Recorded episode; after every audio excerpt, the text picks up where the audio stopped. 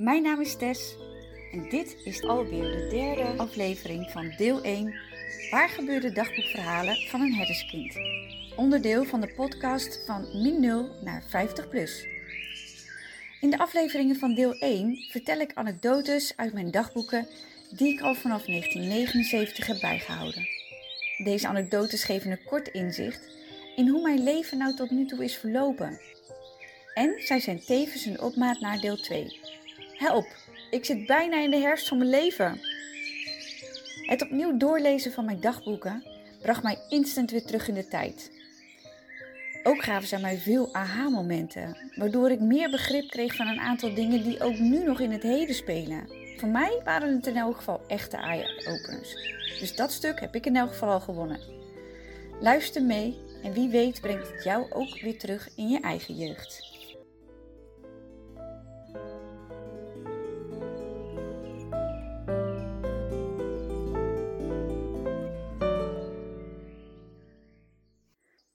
Een diep gevoel van schaamte.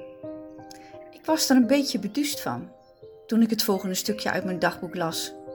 Ik moest er zelfs even van slikken, want ik had ik ooit iemand gepest? Ik? Die er altijd prat op ging en overigens nog steeds op ga, dat ik het juist altijd had opgenomen voor degenen die niet zo populair waren. Maar dit kon toch niet waar zijn? Maar toen ik het zo las, zo zwart op wit, kon ik er niet meer omheen. Want zo netjes en goedaardig bleek ik toch helemaal niet te zijn geweest. En het ergste was, ik kon het me niet eens herinneren. 1 oktober 1981. Vandaag was ik met mam naar de markt in Bolsward, want het was Bolletonsdi, over zijn lokale feestdag. Smiddags belde de moeder van A, A was een meisje bij mij uit de klas, uit de brugklas. Verder schreef ik: De moeder van A heeft gebeld, want haar A had zo'n pijn in het hoofd omdat ik haar uitschelde. Vind je dat nou niet belachelijk? Stom hè? Ik zeg misschien één keer in de week sloegen tegen haar. Sloegen betekent in het Fries trouwens slomen.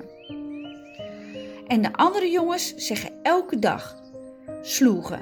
Maar daar durft ze natuurlijk niets over te zeggen. Anders wordt ze in elkaar geramd. Nou, iedereen vindt het idioot. En ze vinden het allemaal kinderachtig.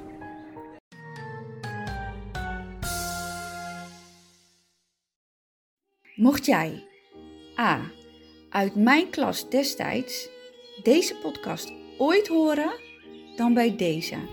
Mijn diepe excuses aan jou voor het feit dat ik je sloegen heb genoemd. Maar ook omdat ik blijkbaar wist dat de jongens van school dit elke dag tegen jou zeiden. En dat ik hier gewoon niets van heb gezegd. Dat ze je mogelijk in elkaar zouden rammen als je er wel iets van zou zeggen. En daarbij, blijkbaar vond ik het ook nog gek dat je je hoofdpijn van kreeg. En iedereen vond het dus ook nog idioot. Achteraf denk ik, wat er is er in mijn hoofd omgegaan? Waarom heb ik niet ingezien wat ik hiermee heb aangericht en waarom heb ik dit überhaupt af durven doen als belachelijk? Ik schaam me ontzettend en ik hoop echt met heel mijn hart, A, dat je sterk genoeg bent geweest om deze pesterijen destijds het hoofd te bieden. Dat je terug hebt durven schelden en dat het geen invloed heeft gehad op jouw verdere leven. Ik hoop het echt. Maar ik weet inmiddels ook dat pesten, hoe klein en onbeduidend het ook is voor de pester, het mega grote gevolgen kan hebben voor iemands toekomst.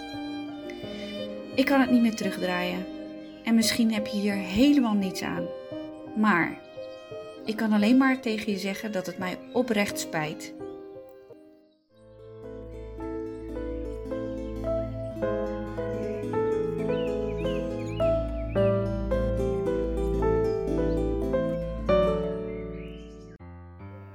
In de volgende aflevering van deze podcast gaat het over snoepjes en snorretjes.